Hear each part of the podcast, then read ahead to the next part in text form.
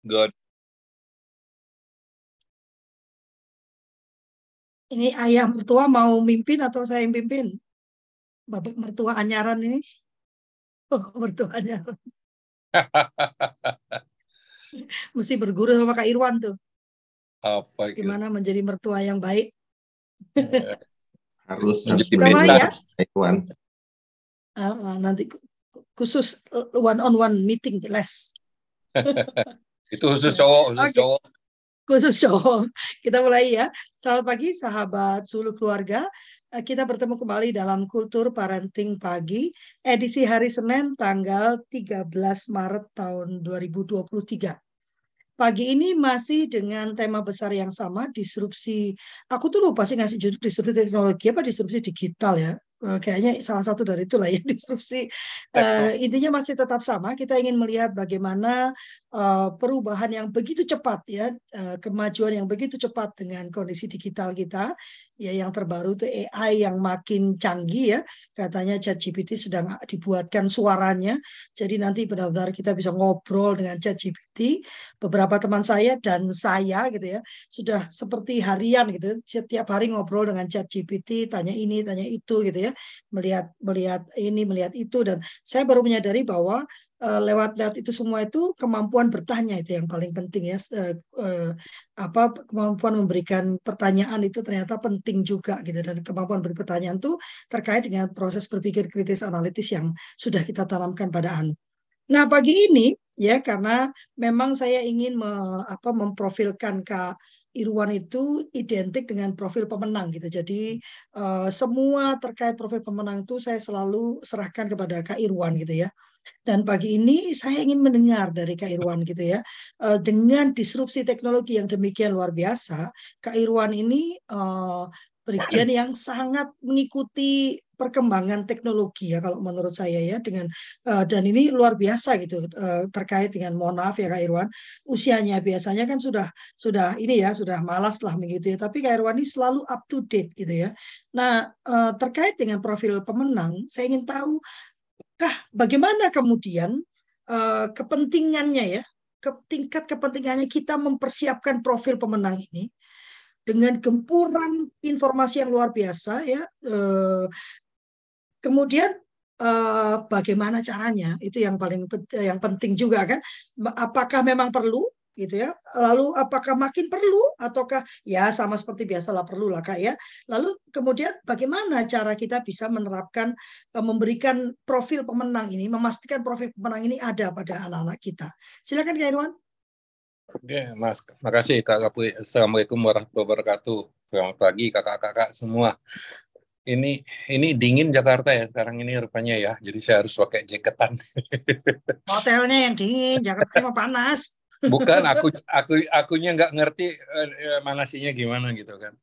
Eh jadi seperti yang disampaikan Kak Kapui tadi gitu ya. Memang saya sendiri kalau dibilang jago IT ya tidak, tapi saya akrab lah gitu ya IT friendly dan saya pernah di Dewan Ketahanan Nasional. Dewan Ketahanan Nasional itu mestinya itu Dewan Keamanan Nasional, tapi karena regulasinya Indonesia dia menjadi Dewan Ketahanan Nasional. Kalau di orang di luar itu National eh, eh, apa namanya Security Council. Kalau di kita National Resilience Council gitu ya. Tapi apa pun itu ya kita sesuai aturan saja regulasi. Nah, waktu itu ada sesuatu yang yang kami kami buat eh, cukup fenomenal gitu ya sampai eh, sekjen itu angkatan jenderal itu hormat ke brigjen yang kayak gini nih yang gue suka gitu ya. Karena apa? Karena saya melihat ada sesuatu yang sensitif gitu ya. Kita banyak ya, mulai dari presiden siapa pun dari Bung Karno pun bangun infrastruktur dan itu eh, filosofis banget ya, falsafahnya luar, biasa. Pertama dibangun oleh Bung Karno itu kan eh, eh, Krakatau Steel. Kenapa pabrik baja? Karena dia mau bikin pabrik pesawat dan pa- pabrik kapal di Bandung dan di itu. Setelah itu apa dia bikin bangun GOR. Ingat Indonesia Raya kan, bangunlah jiwanya, bangunlah bangsa. Jadi apa pun yang kita bangun, infrastruktur itu harus terkait, harus berdampak kepada positif terhadap perkembangan pribadinya orang gitu ya. Nah sekarang kita banyak ya, mohon maaf batin juga ya. Uh, di infrastruktur kita di jalan di apa segala macam itu banyak permainan. Mengurangi spek segala macam segala macam bidding yang yang permainan yang kayak gitu gitu tetapi ada infrastruktur yang terlepas. Ya infrastruktur yang terlepas yang seharusnya uh, menjadi atensi dari pemerintah sejak lama yaitu apa? Infrastruktur IT gitu ya. 2014 2014 itu eh, saya belajarin juga ke eh, apa namanya hmm, yang di Jalan Diponegoro itu gitu ya. Jadi saya melihat berapa sih dana telekomunikasinya Kementerian Lembaga pada saat itu. Ternyata satu tahun Kementerian Lembaga itu dananya itu ada 5T. Jadi kalau dia eh, 5 tahun, artinya dia punya dana 25T. Hmm. For apa? For komunikasi, for nothing. Tidak ada infrastruktur yang terbangun. Jadi saya punya tim dengan teman-teman, kita cobalah membangun, eh, menghitung, kan membangun, menghitung mulai dari eh, Sabang sampai Merauke, fiber optik, kabel laut, cover up satelit gitu ya. Kalau kita seandainya berangan-angan waktu itu membuat TIK terpadu, teknologi informasi komunikasi terpadu, ya kan. Sebetulnya ide itu dilahirkan juga oleh Pak Catus Daryanto waktu beliau masih di uh, Indosat, ke Telkom, mengatakan sisfonas gitu ya. Ya, Nah, itu di, ini kan kita hitung ternyata infrastruktur IT pada saat itu dengan kontennya itu 23,7. Jadi betulnya bisa gitu ya. Tapi tentunya banyak yang sakit gigi ya mohon maaf ya batin. Kenapa? Buat apa ada Menko? Ke orang dia bisa berkoordinasi kok sistem informasi sampai ke orang nomor satu di Indonesia ini udah datanya akan akurat valid gitu. Ya karena ada competitive staff work yang bisa bekerja sekarang ada yang ada koordinatif tapi malah rebutan dengan menteri teknis yang ada di bawahnya. Itu kan jadi jadi rancu gitu ya. Dan kelemahan kita, kelemahan masyarakat kita sejak zaman tapi memang umumnya manusia deh. Umumnya manusia uh, ada sibling ya, Kak Lina ya, ada kompetisi di antara keluarganya pun aja cemburu-cemburuan gitu loh. Jadi memang harus ada bersama. Kalau Amerika dia bikin musuh bersama kan musuh bersama di luar sehingga ini kita waktu ada penjajahan kita punya musuh bersama. Siapa? Penjajah. Nah sebelumnya kita kan DVD at emperor selesai kita gitu. Ya kan? Nah sekarang sekarang udah udah uh, demokrasi demokrasi isu itu udah dilemparkan sejak lama ya tiga tiga itu kan. Lingkungan hidup uh, hak asasi manusia sama demokratisasi itu udah dilempar lama. Sehingga kita masuk ke ke, kejebak di dalam sistem demokrasi yang ada yang belum tentu cocok untuk kita. Kenapa? Karena orang kita, mohon maaf lagi, kembali lagi, uh, bisa dia terdampak oleh 100 ribu, 200 ribu serangan subuh, bisa pilih gitu ya. Tapi orang tidak, karena secara finansial, karena secara perut dia udah cukup gitu ya. Nah, jadi kan memang udah kena gitu ya. Nah, HAM jelas kita diserang, lingkungan hidup ya. Pada saat itu negara maju itu ya motongin pohonnya tuh gila-gilaan gitu. Sekarang kita bergerak di situ selesaikan gitu. Jadi memang nggak apa-apa. Kita harus juga memang terlalu banyak nebang itu kemarin gitu. Nah kembali lagi ke ke IT ini atau teknologi ini yang uh, Pak uh, Kak Gafui tadi juga IT atau apa ini gitu ya. Teknologi seingat saya memang perubahannya demikian cepat gitu ya. Nah sayangnya kita punya itu infrastrukturnya dipegang oleh private provider gitu. Sehingga level presiden saja Pak SBY pada saat itu telepon sama Pak Budiono bicara soal senturi itu kerekam sampai ke Australia gitu kan. Begitu rawannya gitu. Jadi kita nggak bisa mengawal diri kita sendiri. Ibaratnya rumah tangga, saya nggak punya kunci gembok untuk pagar. Nggak usah kaget, pintu depan rumah saya kebuka, bisa dimasukin orang. Karena apa? Karena teknologi itu bisa masuk sampai ke kamar anak saya. Iya kan, dia bisa lewat mana-mana saja kata kalau Maslow sekarang ada mungkin dia tambahin. Piramida Maslow itu kebutuhan dasar itu setelah makan minum seks itu ada lagi paling bawah wifi gitu kan. Kenapa? Ditanya bagi orang datang ke resto kan ditanya pertama apa wifi? Passwordnya apa ini? Jadi itu sudah menjadi kebutuhan kebutuhan dasar. Nah sekarang eh, saya nyiapkan ya nyiapkan slide eh, saya minta Kak Dewi bantu nanti eh, sedikit saja karena lebih baik kita uh, diskusi ya. Uh, silakan Kak Kak Deli. Saya sebetulnya nggak suka tuh uh, libat next gitu. Tapi ya terpaksa sekarang karena saya pakai HP nih. Nah ini uh, nah ini katanya katanya apa istilahnya uh, Kak Gafu ya pubbing ya Jadi datang ke Oma yuk, yuk kita datang ke Oma sampai di Oma omanya dicuekin semuanya main main apa HP gitu. Ya, katanya mau mau mau datang ke Oma, datang ke Ato, datang ke Enin, datang ke Aki, datang ke Eyang gitu. Kok, kok itu yang gitu. Nah, sehingga di sini perlu menurut saya itu eh, ada kesadaran kesadaran yang paling dalam dalam diri kita itu gitu ya. Nah, eh, saya dulu suka gitu ya, suka dan itu saya sekarang pun saya punya apa itu pisau MacGyver gitu. pisau MacGyver itu kan uh, perlu makan keluarin sendok, perlu pisau ada keluarin, mau gunting ada gunting, perlu obeng ada obengnya, lengkap mau kikir ada gitu. Nah, apa sih itu di dalam di dalam konsep psikologi gitu. Nah, inilah saya saya tawarkan tentang konsep mental pemenang. Apa pun yang akan kita hadapi, Eh, perubahan disrupsi teknologi yang cepat, yang masif segala macam itu, kita punya pisau MacGyver-nya gitu. Next, Kak Del.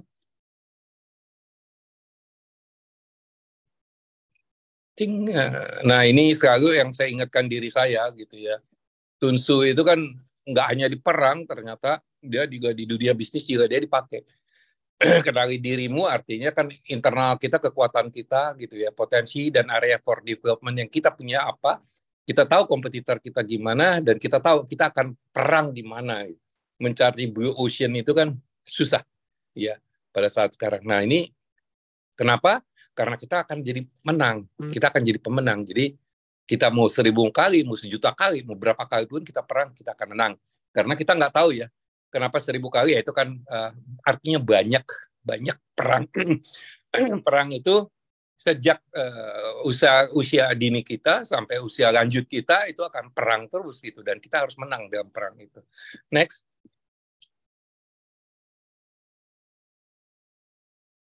Nah ini, nah ya saya suka kalau mengatakan atau ini kan sesuatu, saya suka pegang duluan kupingmu gitu. Ya pijit-pijit dulu. Ini kan kupingnya agak ketutup ya. Saya saya buka dulu deh gitu kan supaya mendengarkan. Saya atur nafas saya, saya senang, saya tenangkan. Kenapa ya? Katanya stop itu kan selalu begitu ya. Stop itu ya pertama stop, S-nya stop, itu take a breath ya kita kita napas. Uh, setelah itu O-nya itu kita observasi apa yang kita hadapi. Nah, setelah itu P-nya baru kita buat planning, buat, kita perencanaan. Next.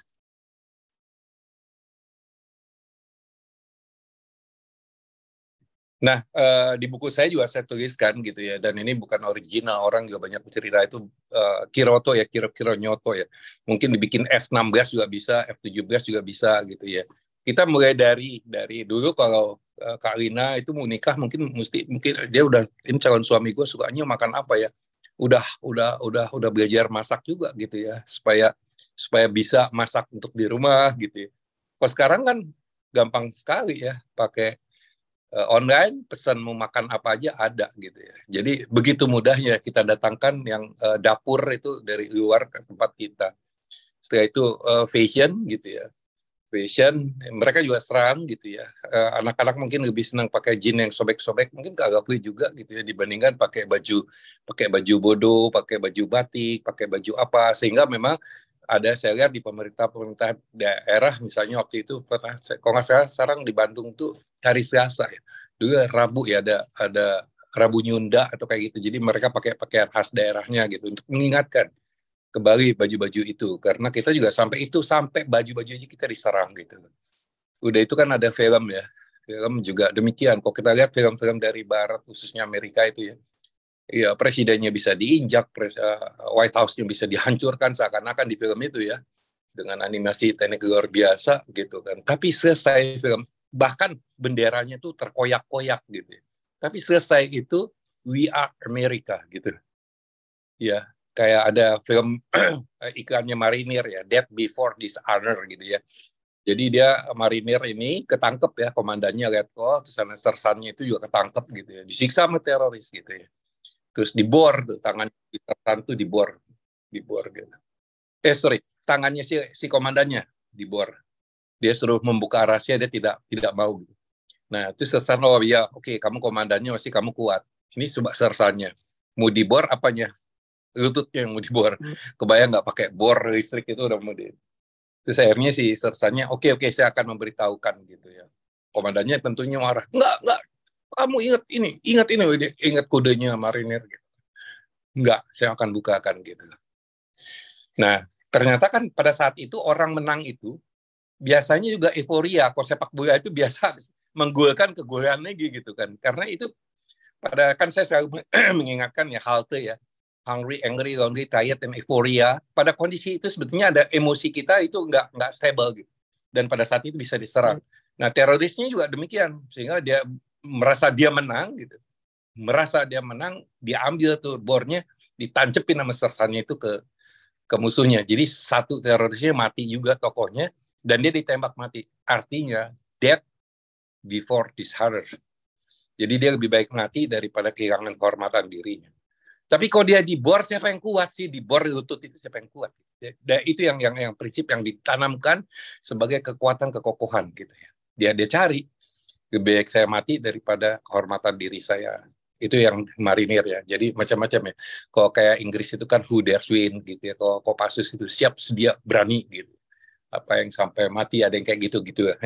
Saya itu fantasi ya, fantasi kan luar biasa ya. Saya sendiri di di komunitas psikologi ulangi komunitas olahraga eh, itu sekarang ada e-sport juga. Kalau ternyata e-sport itu bikin stresnya lebih tinggi daripada olahraga lain gitu.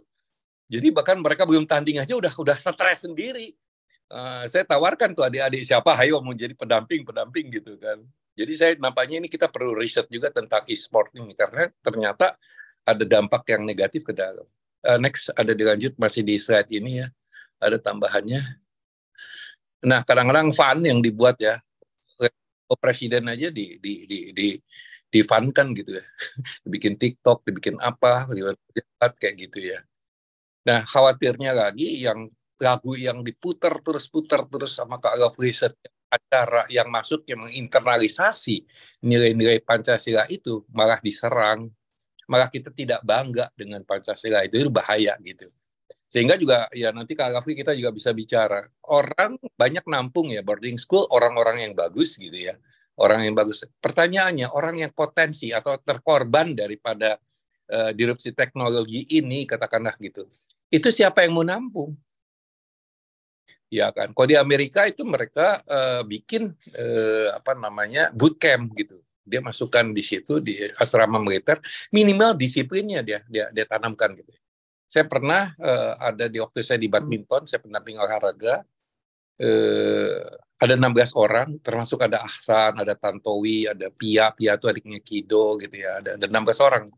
Saya minta saya ajukan proposal ke Bang Yos waktu itu juga Pak Sutioso jadi ketua PBSI. Apa ya gini Wan? Ya ini masukin ini gitu. Kenapa? Ya kita disiplinkan. Jadi dia masukkan di bus-busdik di Lembang, terus di Stapa gitu.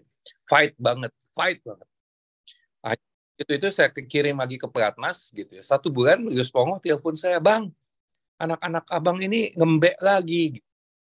Ya saya bilang gue jadikan harimau kamu masukin kandang kambing gitu saya kan. Ya ngembek lagi gitu kan.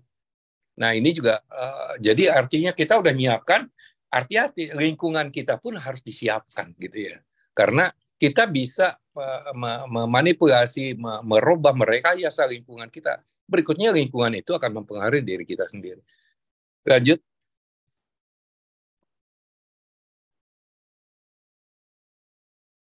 Ya itu uh, kemarin saya cerita sendiri, ya itu ada bentuk-bentuk op juga ya.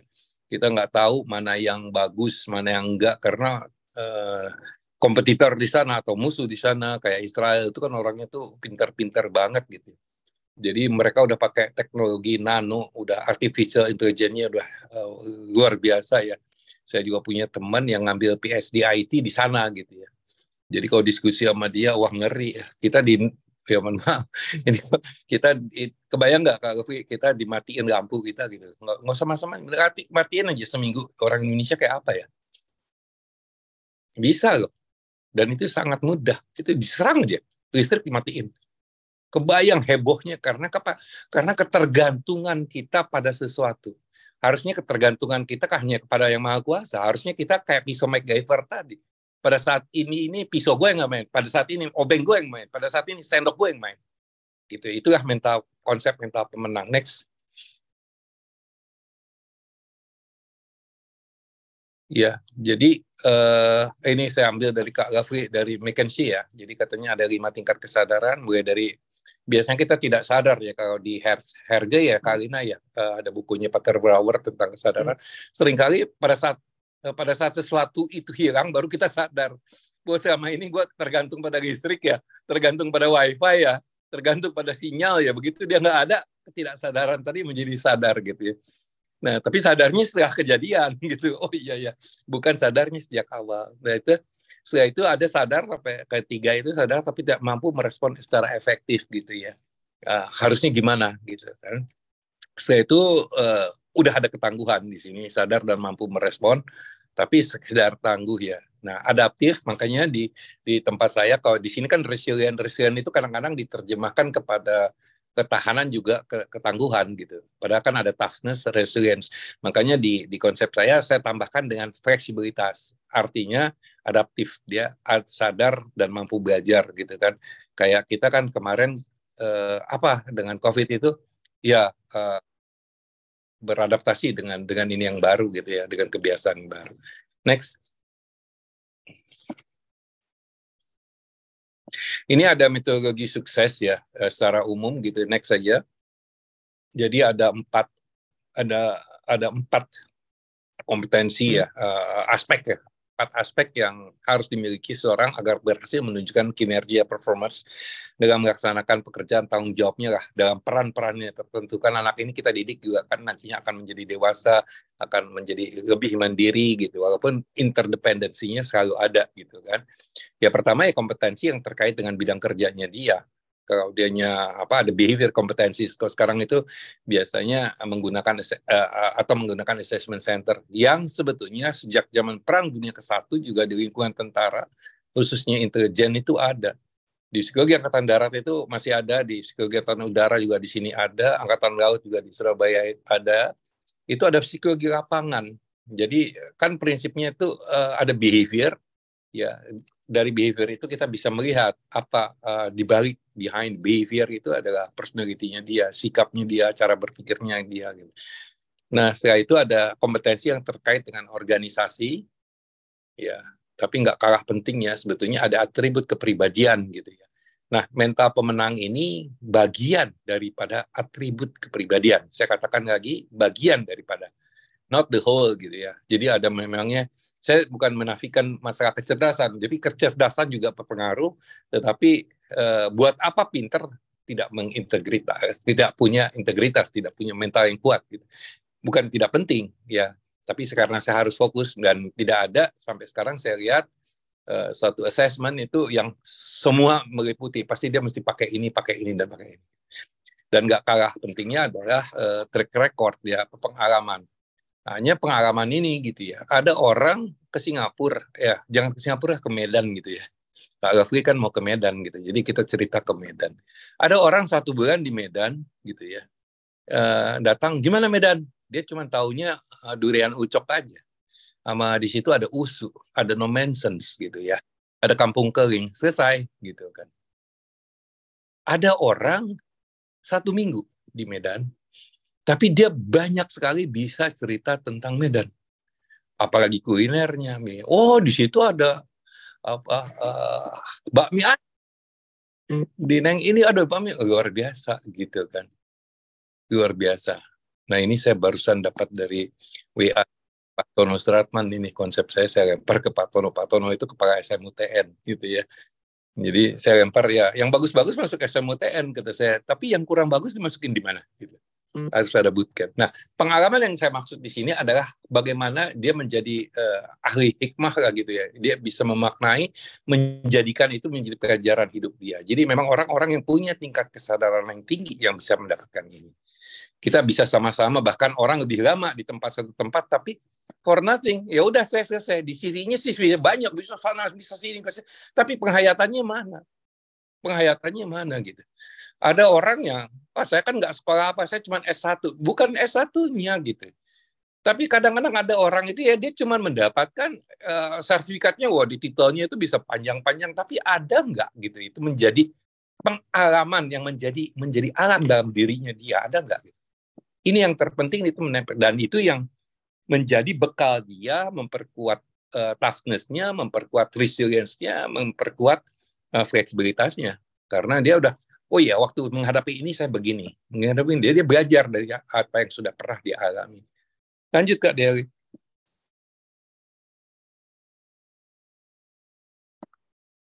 Nah ini cuma cara mengukurnya, ya lanjut. Nah ini uh, sukses, sukses itu kan apa sih kemarin saya dapat rapotnya eh, nilai 5 sekarang dapat 8 nah itu growth ya itu baru growth itu baru berkembang. Dulu uh, saya megang ini untungnya perusahaan ini cuma sekian M sekarang jadi sekian M itu baru growth gitu ya. Tapi growth ini jika disertai klik tambah next.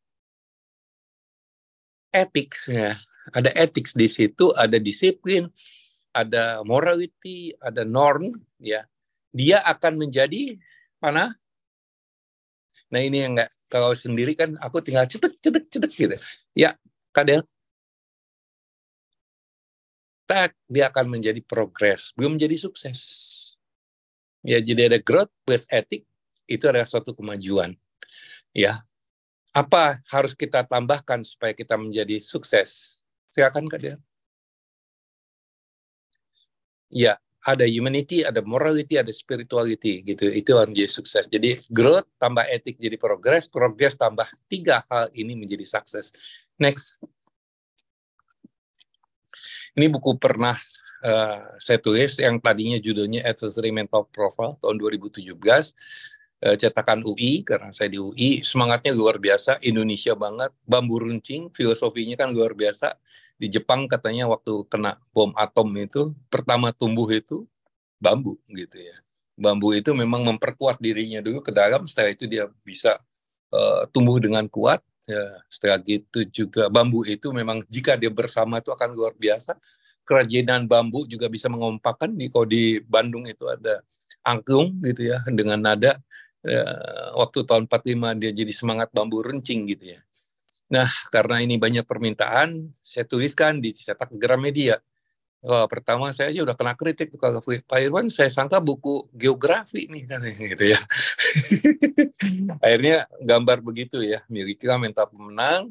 Ya, wah, ini bolak-balik juga nih, begini, begini, begini. Nah, setelah gitu juga saya uh, sama Pak Tono Suratman waktu itu langsung kamu paparkan di SMUTN saya beli 200 biji bukunya. Saya nggak jualan buku, Pak. Enggak, tapi kan oh siap, udah silakan aja ambil. Saya nggak ngambil uh, ininya dari sana, saya kasih uh, dedikasikan ke tempat saya bekerja saat itu gitu kan. Eh sampai sana Bu Tononya bisik-bisik, Bu Tono ada di sini nggak ya? Pak Irwan saya mau protes tuh. Kenapa Bu? Kenapa yang laki-lakinya megang bintang, perempuannya enggak? Masya Allah, gue bilang salah lagi deh gue gitu. Ya saya juga mau protes, kenapa ada acara uh, apa? Acara Kak khusus perempuan, khusus laki-laki enggak ada gitu kan. Opera, operet gitu kan. Ya, saya bilang ya kan di setiap perempuan yang ya setiap laki-laki yang sukses itu ada ada perempuan dan perempuan itu kan bukan istrinya gitu, tapi ibunya gitu berikutnya istrinya yang mendukung gitu. Tapi kalau dia gagal biasanya juga ada perempuan dan perempuan itu ya bukan ibu, bukan istri. Nah itu siapa dia? Gitu. Jadilah buku ini 2019 dan sekarang nggak tahu ya Gramedia pasti udah nggak ada. Kemarin ada tawaran lagi untuk uh, diundang untuk paparan di sana ya mudah-mudahan terlaksana. Uh, masalahnya adalah untuk berbaginya mungkin ada feedback-feedback juga untuk pengembangan. Lanjut, Kak Del. Ini prinsipnya, kalau sang pemenang itu saya gambarkan sebagai suatu keluarga yang bahagia gitu ya. Jadi mulai daripada pembuahan, bahwa uh, biang kita itu jadi harus mampu involve dan uh, survive dan involve, survivor dan berkembang. Nah, pada saat dia menjadi itu masih banyak bantuan uh, uh, dari lingkungan. Nah, begitu jadi anak dia belajar ya. Pada saat 2 sampai 3 tahun ya Kak Lina ya, dia belajar toilet training, karena kalau gagal di situ, waduh ada fiksasi ana apa yang terjadi ke depan, kalau ada fiksasi oral apa yang itu itu ada teori tertentu kan. Uh, berikutnya memang manusia itu harus punya power gitu ya, berasal dari personal maupun dari position. Beda kan, kalau saya ngomong begini, tapi saya sekarang ngomong sebagai saya gubernur ini, saya sebagai PLT gubernur aja, atau saya sebagai gubernur, oh, beda beda. Jadi position juga penting gitu. Tapi yang lebih penting kalau itu semua kita sudah miliki adalah wise gitu ya. Buat apa saya punya mobil yang keren, hitam warnanya, pakai warna biru, menyilaukan mata dan memekakkan kuping orang gitu kan. Itu nggak wise. Jadi pemenang itu dia harus punya uh, power, dia punya seni juga, dia punya uh, pengalaman juga, dia punya position juga, dan pada saat lingkaran-lingkaran potensi tadi itu digabungkan di tengahnya itu akan ada wise. Ya, rap itu. Makin besar over overlapnya itu makin besar wise-nya. Inilah bentuk sang pemenang.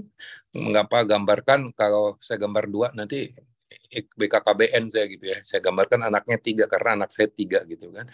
Jadi eh, eh, keluarga yang mampu meneladani eh, mengcreate eh, kader-kader jadi waktu itu ada konsep saya memimpin pemimpin. Memimpin anak buah sih gampang gitu. Bisa pakai gini-gini aja juga bisa. Tapi memimpin pemimpin bahwa kita memimpin yang men untuk mengkreat pemimpin berikutnya. Dan harus lebih hebat. Jangan konon katanya kayak guru silat ada ilmu ilmu tertentu enggak Oke, dilanjut. Kak Del. Nah, ini apa yang terjadi di lingkungan masyarakat saat ini? Ini saya singgung sedikit ya dampak-dampak negatifnya. Yang positif ya kita uh, riset bahwa memang kayak kemarin dia uh, diterangkan dengan dengan ada teknologi itu begitu cepat ya informasi itu ya WA aja dong. Wah, artificial luar biasa gitu. Tapi kan kita harus filtering dan ya apa yang baik, apakah benar, apakah itu bermanfaat yang harus kita terima. Jika tidak, apa yang terjadi gitu ya? Anak belajar dengan melihat ya. Dia dia dia melihat itu kan luar biasa. Next kak Del. Begitu kusutnya ini itu banyak kekerasan yang terjadi gitu. Tadi malam saya sempat sambil terkantuk-kantuk lihat TV bicara soal kekerasan karena teknologi yang tidak disikapi dengan bijak gitu ya. Tidak dengan regulasi tidak dengan kesepakatan gitu ya. Harusnya bagaimana? Lanjut saya ambil contoh saja karena saya tinggal di Jawa Barat. Kemarin juga saya paparan Jawa Barat. Bisa next, Kak Del. Nah, ini data fakta kasus kekerasan anak pada tahun 2021 nih. Iya, sorry, ini di, di Indonesia nih. Ya, paling besar itu seksual gitu ya. Setelah itu ada fisik, psikis, fisik, kekerasan lainnya. Uh, next, klik aja. Nah, saya di komunitas olahraga dua kali Jawa Barat ini di Jawa Barat maupun di Papua dia olahraganya nomor satu. Tapi ternyata kekerasan ranking tiga. Nggak bagus ini gitu. Nah makanya ada konsep saya oke okay, kalau gitu dari keluarga atlet yuk kita bangun ya dari rumah kita membangun karakter. Lanjut.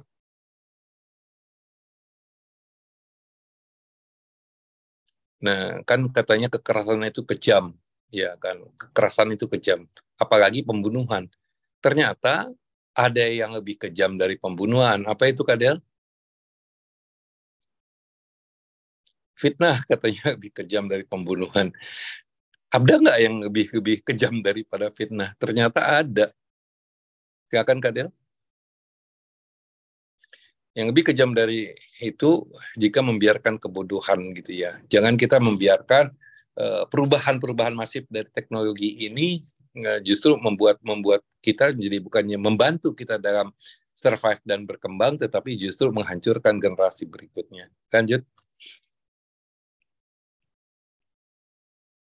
Ya, minimal ada tiga batas, moral, adab, keamanan itu harus dipelajari oleh anak-anak gitu ya mana benar, mana salah. Itu bagaimana etika, tata kerama, sopan santun gitu ya kan. Seringkali disalahkan, wah anak zaman sekarang itu nggak ada sopan santun yang ngajari sopo. Ingat, memimpin pemimpin, bukan memimpin anak buah. Jadi ada unsurnya dari kita. Kenapa orang tua kita yang uh, produk penjajah kok bisa mendidik kita? Kenapa kita produk katanya kemerdekaan nggak bisa mendidik anak-anak uh, kader-kader kita? Masalah keamanan juga penting waktu dokter Boyke ya dia tahu ada nggak batasan-batasan? Ini tidak boleh ini tidak boleh ini tidak boleh tidak boleh gitu kan. Apa yang bisa apa yang tidak? Kalau udah jam sekian jam ah, ini udah melewati batas keamanan seperti gitu kan. Kita juga kan di rumah begitu kalau udah jam segini eh pagar dikunci dong gitu. Ini tutup dong. Karena ada ada uh, batas-batas keamanan yang yang kita harus tahu. Lanjut. Dan sampai ke mana nih disiplin. Nah kemarin Kak Ane ya cerita BTM bangun tidur makan itu harus ada harus ada waktunya. Ya saya juga belajar tentang kinesiologi gitu kan. Ada ada pik-piknya apa meridian itu ya kapan piknya misalnya lambung apa jadi memang memang itu memang kita tuh udah diciptakan dengan skenario ya dengan dengan modus dengan sistem yang udah sophisticated gitu ya. Jadi harusnya kita juga bisa mengikuti harus pelajari seharusnya gimana. Banyak dari kita kan mestinya kita malam itu istirahat, eh malamnya malah begadang. Saya ada ketemu teman saya, kami ketemunya jam 3 kalau mau diskusi gitu. Jadi kalau saya sudah bangun, dia baru belum tidur gitu. Tak benar gitu. Jadi ada bangun tidur makan minimal gitu. Ada disiplin yang ditanamkan di situ. Lanjut. Ya ini halte ya tadi saya sampaikan pada saat hungry, angry, lonely, tired, euphoria hati-hati itu kondisi sehingga harus stop kata saya kan stop itu ada apa tadi ada stopnya sendiri ada take a breath ada thinking observation dan uh, planning. Dan think waktu think sendiri juga kan ada truthfulnya katanya kan. Ada helpfulnya ada inspirationalnya udah itu ada knowledge-nya gitu kan. Pada saat kita think itu tuh ada ada banyak di di belakang kepala kita. Ini ada suatu konsep bagaimana sebetulnya ada ada ada ya, ada ada pembelajaran tentang sistem thinking, sistem dynamic gitu ya. Itu itu bagus banget bagaimana kita bisa melihat suatu permasalahan itu secara holistik. Jadi kita tidak akan mudah uh, terpancing. Ada istilah persepsi, ada istilah meta meta meta persepsi, bagaimana orang lain melihat pandangan kita terhadap udah itu ada meta meta persepsi gitu. Kita seakan-akan ada di atas sedang melihat dialog ini terjadi. Lanjut uh, ya dalam konsepnya Freud psikoanalisa ada reality testing dia. Kemat kematangan orang eh, itu pada dia punya ego strength bukan egois. Ego strength egonya kuat. Salah satu fungsi ego itu itu reality testing. Jadi uh, kapan harus bisa dilakukan gitu ya. Uh, bahwa ini tidak boleh dilakukan, bahwa ini masih dilakukan gitu kan. Waktu dulu saya kecil masih ada nonton film udah 17 tahun nggak, kenapa belum 17 tahun nggak boleh nonton di situ dulu gitu. Kalau sekarang ada istilahnya bimbingan orang tua kayak gitu. Itu ada uh, kenyataan di tes uh, di, di ini di, dibolehkan nggak di, di nyatanya ini gitu. Ya. Mana yang bisa, mana yang tidak. Sebenarnya ada tiga tiga batas tadi. Lanjut. Akhirnya kembali ke tips ya. Kalau saya cenderung yang pertama ya kalau di BKKBN sama Shishel itu dia bicara soal uh, kebersihan dengan uh, apa namanya membuang sampah. Kalau Kak Kak, Kak Ci Meli Kiong itu kan bicara bebenah rumah gitu ya.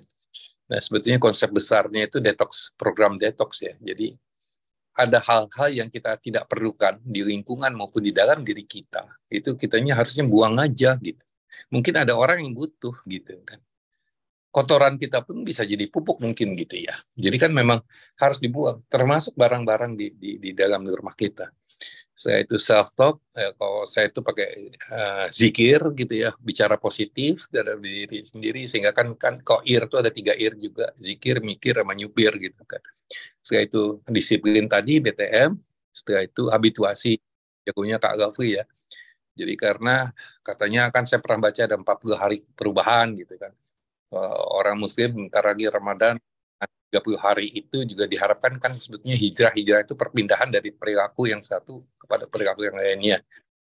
Hanya waktu Satgas perilaku kok susah banget yang ngubah tiga pakai masker, jaga jarak, sama cuci tangan ini kok susah. Nah terakhir, but not least tentunya doa karena ada suatu kekuasaan yang yang tertinggi di sana. Dan bagaimana kita merubah dari tadi ya, yang fixed mindset biasanya begini, biasa gini yang yang sampai kepada yang seharusnya gimana. Nah, yang saya pelajari juga ada konsep. Jadi kita nggak nggak bisa merubah orang sedemikian rupa kalau apa itu udah udah Nah, sehingga kok di, di Amerika itu dia melihat suatu suatu gugus tugas satu satu kerja kelompok itu selalu ada tiga tipe katanya. Ya, ini tambahan saja. Ada yang tipe konservatif. Ya, kan orang kan suka konservatif banget ya. Itu dibutuhkan gitu. Dibutuhkan. Tapi kok konservatif aja kita tidak akan pernah maju gitu. Harus ada tipe yang originator. Tipe yang pengennya berubah, berubah, berubah gitu. Tapi bahaya ini ya. Coba ya nggak? Tipe originator, semua orang di DPR itu originator gitu. Wah, undang-undang berubah terus gitu. gitu ya. Tapi tetap bisa ada yang konservatif. Nah, di tengah-tengahnya ada orang yang pragmatis. Jadi dia bisa memediasi, melihat eh, ini saling bisa saling salah menyalahkan nggak apa-apa. Sebetulnya bukan saling menyalah menyalahkan, tetapi saling berdebat. Kata orang bijak, eh, eh, teman berdebat ya apa namanya musuh berdebat itu adalah teman berpikir gitu. Itu uh, mungkin dari saya. Terima kasih. Saya kembalikan lagi kepada Kak Gafri. Terima kasih Kak Dewi bisa di waktunya tinggal 10 menit doang sebelum ke jam 8 ayo dimanfaatkan teman-teman karena kak kak Irwan harus uh, bergerak ke acara berikutnya di jam 8 saya rasa ini menarik sekali ya uh, itu tadi yang sering kita lupa ya sudah dibuat habituasi di rumah sudah dibuat ditanamkan nilai-nilainya kita lupa membantu anak memilih dan memilah lingkungannya ya jadi ya putar-putar sama dengan sekolah kan sering kali mencoba menerapkan karakter tapi lupa mengedukasi keluarga. Jadi keluarganya malah bikin semuanya jadi kacau.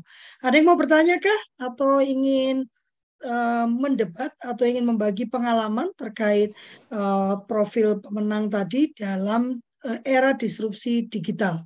Kak Dani, ada yang mau ditanyakan? Ada yang mau diproteskan? pagi Dokter Sofia, uh, Pak uh, Bunda. Selamat pagi, kalau Fuli luar biasa. Saya kelas dulu ya, sedang di rumah sakit nih, nemani suami dirawat. Wah. Oh, cepat sembuh, Bunda. Ah. Biasa, Salam iya. Iya, udah lama sih stroke, cuman ya bisa beraktivitas, oh. cuman hari Sabtu tuh muntah-muntah gitu ya, darahnya agak tinggi, jadi perlu dirawat. Alhamdulillah hari ini oh. sudah bisa saya uh, tinggal untuk aktivitas tapi di sampingnya sih. Tapi hmm. saya nyimak, uh, apa, nyimak dari uh, tadi tekanan darahnya sudah turun. Iya, mohon doanya ya kalau Flia semoga cepat ya, ya. pulang ya biar ya, saya juga bisa beraktivitas. Karena saya saya ya saya di rumah sakit saya dari udah tiga hari jadi semua dari hmm. ruang inap ini gitu. Ya. Salam ya Ibu untuk Bapak ya, salam hormat, ya. cepat sembuh. Kami semua ya. mendoakan kepulihan. Ya, ya. Itu kok bahasa bahasa spiritualnya tuh Kak Gafi itu kifarat gitu. Kifarat itu mengikis dosa insya Allah. Uh, kau bahasa minta pemenangnya memang Amin. kita kan adversary kita diberikan Amin. ujian gitu ya. Uh, sesuai dengan kapasitas pasti yang kan mengukur kemampuannya si kak kakak ini kak Zia ini kan hmm. bahwa oh ini bisa diuji. Ya ini carilah uh, apa di balik pengalaman hikmah apa yang di balik itu. Saya kira itu. Hmm. luar biasa. Iya. Monggo. Iya. Terima kasih bunda ada lagi iya. yang mau mengajukan pertanyaan mungkin? Ada yang ingin uh, bertanya kepada Pak Kak Irwan Kak Yurika Kak Yuli uh, Kak Lovely ya, saya saya saya sharing ya apa yang saya hmm. lakukan. Saya memberikan apresiasi materi selalu keren ya. Untuk saya pribadi menambah ilmu yang luar biasa. Pengalamannya ini yang saya simak belajar kan harus di mana saja dan alhamdulillah saya digabung ini saya sering nih ma maaf karena memang aktivitas dari jam 7 sampai sore itu kadang kan masuk kampus ke mana ke mana gitu uh, di era digital ini ya Pak ya sekarang ini kan banyak ya apalagi pandemi ya kemarin itu Uh, jadi saya punya pengalaman mahasiswa saya S2 itu saya kan ngajar kebijakan. Jadi uh, pengambilan keputusan dan analisis kebijakan pendidikan mata kuliah saya di S2. Manakala saya menjelaskan tentang bagaimana sih untuk apa kebijakan yang diambil baik itu dari segi dari sekolah atau mungkin dari yang kecil aja warga di masyarakat itu kan harus ada payung hukum. Ternyata pada praktek-prakteknya di sekolah ini tiba-tiba ada yang mahasiswa S2 saya itu eh, menyimak saya bicara, rupanya dia minggu lalu itu dikejar-kejar hmm, apa muridnya SMP pakai golok. Jadi dia hmm. guru BK. Eh, karena memang dunianya apa ya, saya lihat memang itu di sekolah satu atap memang dia itu uh, apa nama orang tua yang memang basically-nya kurang lah untuk pendidikan sehingga sekolah itu memang tidak berjalan. Nah, bagaimana kita membuat attitude, bagaimana kita uh, akan menjelaskan bahwa mereka memang sudah uh, bermain dengan dunia gadget kan seperti itu. Jadi nggak peduli dengan uh, ini. Kalau kita melihat uh, perlakuannya seperti itu, saya tanya bagaimana kepala sekolahnya? Kepala sekolahnya masa bodoh, sangat masa bodoh gitu. Jadi inilah uh, dunia pendidikan ini seperti kita ini saya lihat di lapangan karena saya orang lapangan di Lampung saya ini Pak uh, sedih karena memang banyak kuranglah orang yang empati, kurang orang yang memang peduli, bisanya menyalahkan kebijakan. Padahal kebijakan sudah bagus.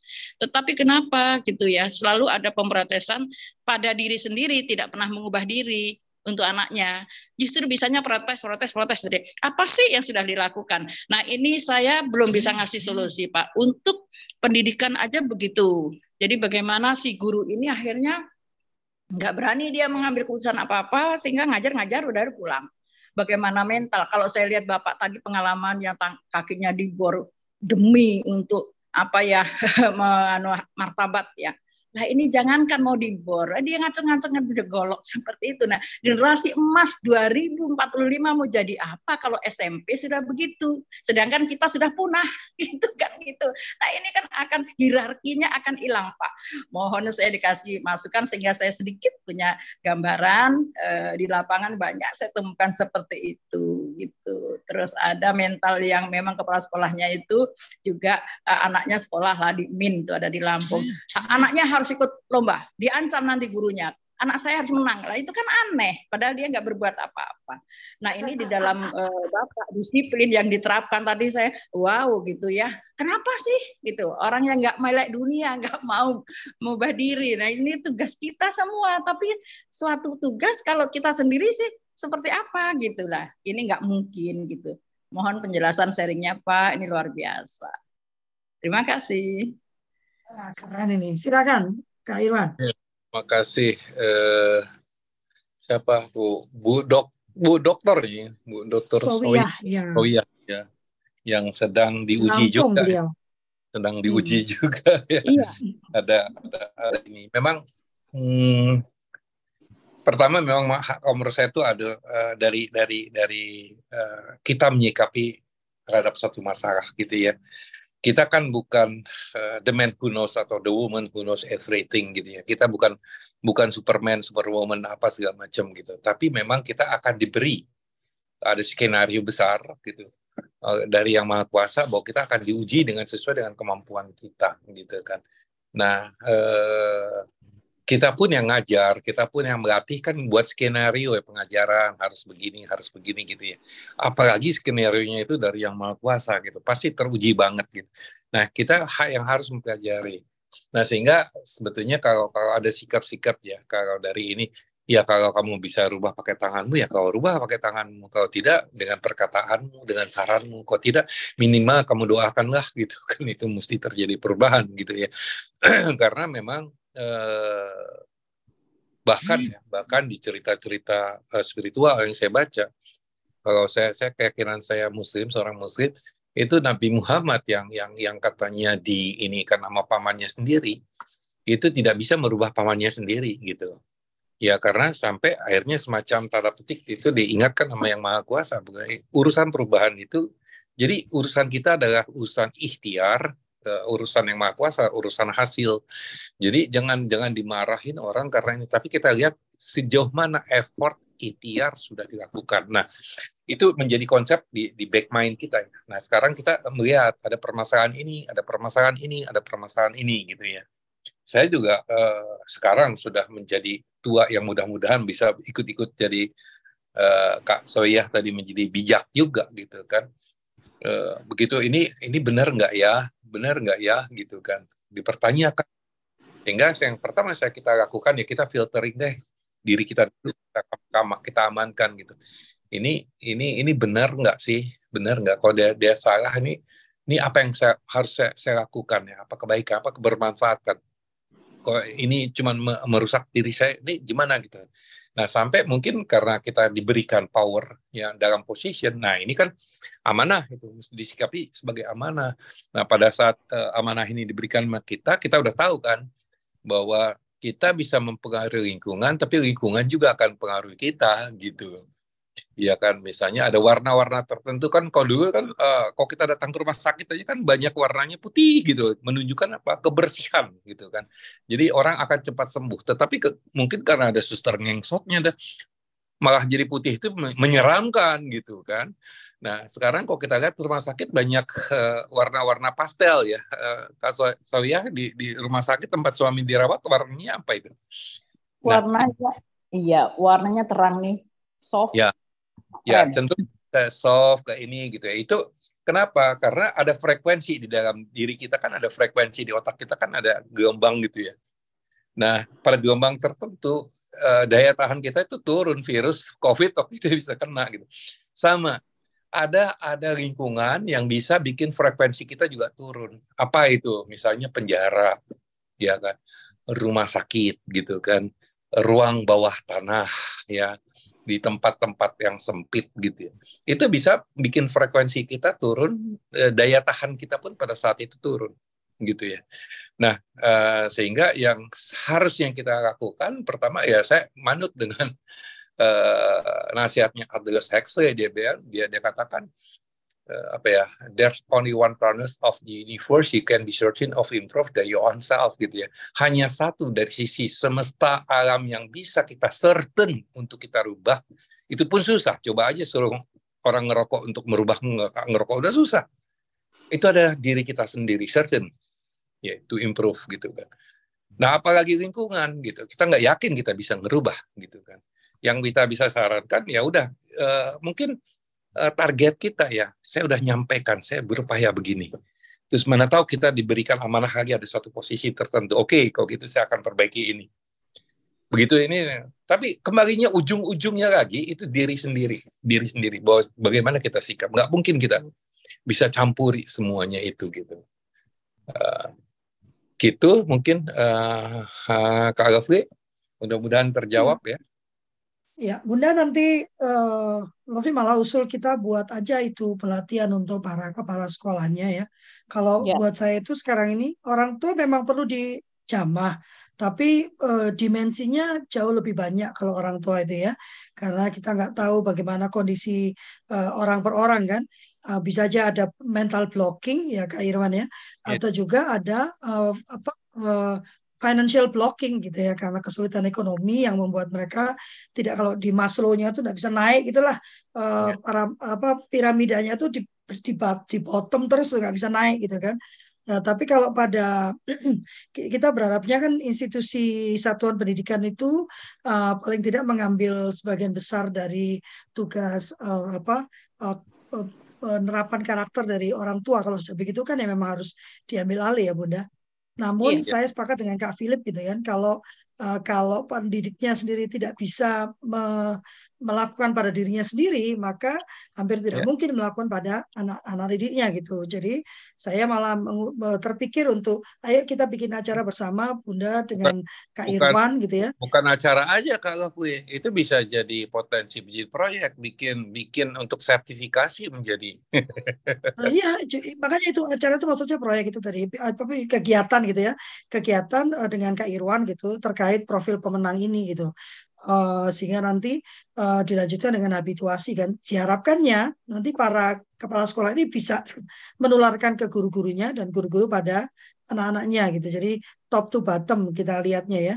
Harusnya kan dari bottom up tapi karena sesuatu itu perubahan tuh kalau mau cepat kan dari atas ke bawah gitu ya.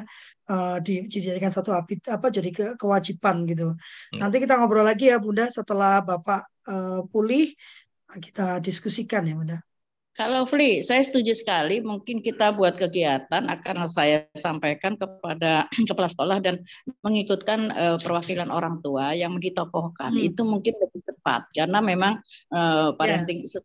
pola asuh itu dari dulu sampai sekarang tuh tidak akan selesai pola asuh orang tua. Nah itu mungkin bisa nanti kita ambil kader-kadernya sebagai relawan bisa menyebarkan gitu. Jadi kita punya duta-duta yang di daerah. Nah, iya.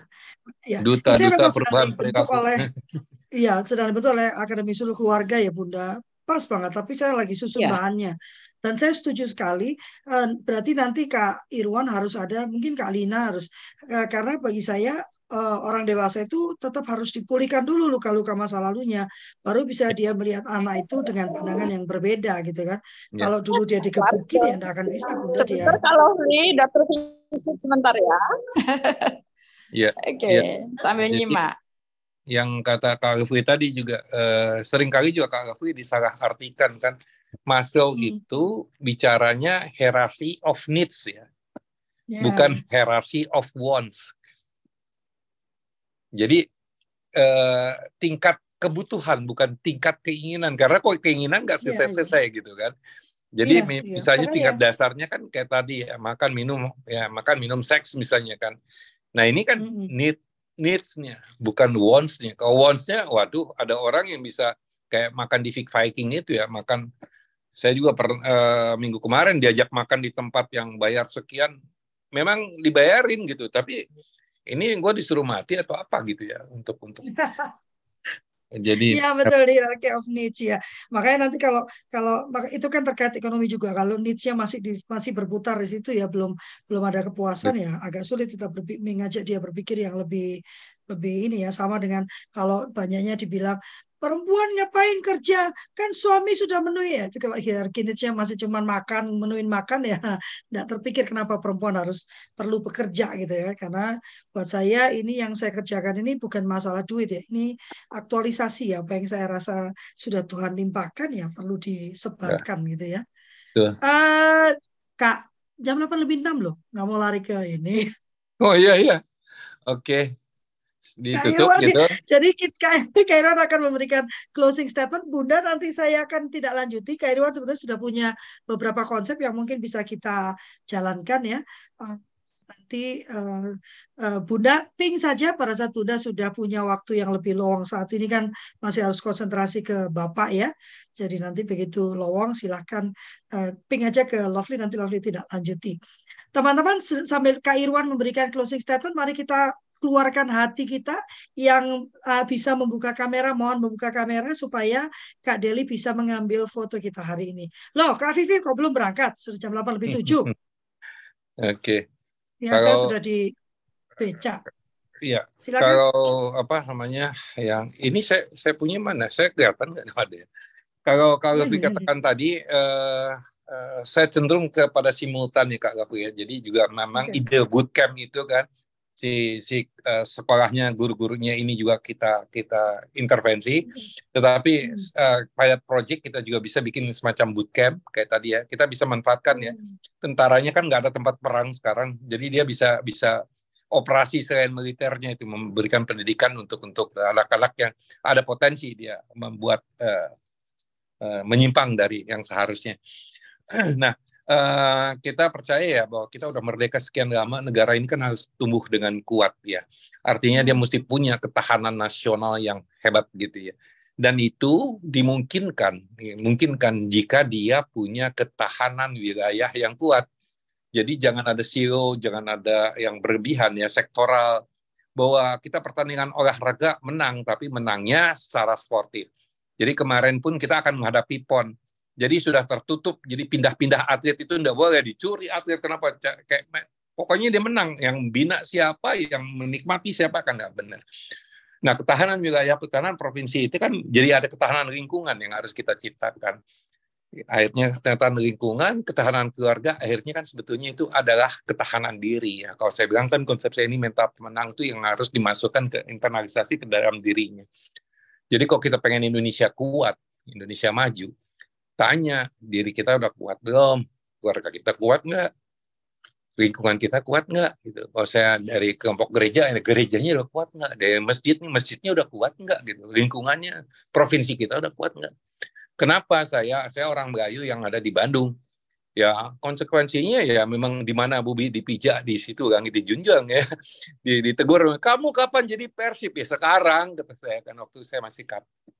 Jadi saya pikir seperti kata Kak Gafri tadi ada potensi yang dititipkan kepada kita oleh Yang Maha Kuasa tugas kita adalah berbagi dengan potensi itu. Amanah kita adalah to give, to give, and to give the others.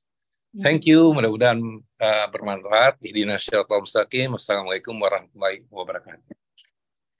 Ya, uh, terima kasih Kak Irwan. Sudah di foto Kak Deli? Selalu Udah. ada tidak lanjut dari tidak lanjut jadi uh, saya sukanya kultur parenting itu selalu uh, setiap kali ada sesi itu saya punya ide baru lagi saya punya ide baru lagi hmm. gitu ya jadi nanti akan selalu ada ada kemunculan kemunculan yang baru kemarin kami baru menyelesaikan uh, literasi emosi ya uh, lumayan uh, ada 17 orang ada 17 peserta berlangsung selama empat hari Hmm. Uh, dan uh, jadi empat hari itu karena empat hari itu mereka pada curhatan gitu ya empat hari itu. Uh, luar biasa Kak Philip. Uh, dan uh, berikutnya kita punya festival dongeng ayah. Ya jadi Uh, saya akan segera menyebarkan flyernya. Para ayah mohon karena kalau ikut festivalnya gratis ya, silakan membacakan dongeng untuk anaknya, direkam lalu dikirimkan ke kami. Nanti akan kami upload ke media sosial kami dan yang mendapatkan like terbanyak itu yang akan mendapatkan penghargaan. Dan kemudian di bulan depan akan ada workshop ya, workshop uh, tentang dongeng uh, yang akan dibawakan oleh Kak Seto ya. Siapa tidak kenal Kak Seto ya? Kak Seto akan bicara tentang bagaimana teknik mendongeng yang yang oke okay, karena kita tahu Kak Kak Seto tuh jago banget ya kalau mendongeng ya. Kemudian kita akan bersama uh, Bapak Brigjen kita ini Kak Irwan Amrun ya. Beliau akan bicara bagaimana dongeng itu sebetulnya bisa menguatkan profil pemenang karena kita semua ingin anak-anak punya profil pemenang dan ternyata, oh ternyata itu bisa dilakukan lewat hal yang sederhana, tapi sering kali kita malas melakukan, yaitu mendongeng kepada anak-anak kita. Saya ingat nenek saya itu tiap malam dongeng ya. Lalu ada juga Kak Dr. Amir Zuhdi ya Dr. Amir Zudi akan bicara tentang bagaimana mendongeng itu akan menguatkan uh, apa uh, syaraf-syaraf anak-anak kita itu sehingga semua yang kita harapkan tadi profil pemenang tadi bisa terjadi karena tadi kalau Dr. Sowia Berkat bicara tadi yang disampaikan Kak Irwan ya nah kalau teman-teman di neuroscience itu gampang sekali menjelaskannya oh ya itu karena tidak berkembangnya di dalam sisi ini sehingga itu sehingga itu sehingga itu sehingga itu gitu ya banyak sekali sisinya jadi saya rasa brain based uh, teaching itu perlu juga kita masyarakatkan. Terima kasih banyak atas nama kami berlima. Kami memohon maaf yang sebesar-besarnya apabila ada pernyataan, sikap, gestur yang kurang berkenan. Kami tidak ingin menghina, tidak ingin memojokkan, tidak ingin merendahkan, tidak ingin uh, menggurui bahkan kami hanya ingin membagikan apa yang menjadi keyakinan kami dan saya percaya kami usahakan untuk kami kerjakan dalam kehidupan kami sehari-hari. Terima kasih. Wassalamualaikum warahmatullahi wabarakatuh. Tuhan memberkati. Okay. Selamat berkongres Kak Irwan. Oke, okay. lanjut Koni. iya, Terima kasih. Lovely, Kak Irwan. Kalina, nanti kapan-kapan berbagi ya. Saya ya, kontak ya, nanti. Satu. Iya. Marmo. Dua-dua. Ada ini. Nah. Pamit ya. Nah, dua-dua kan tetap nggak bisa tapi kan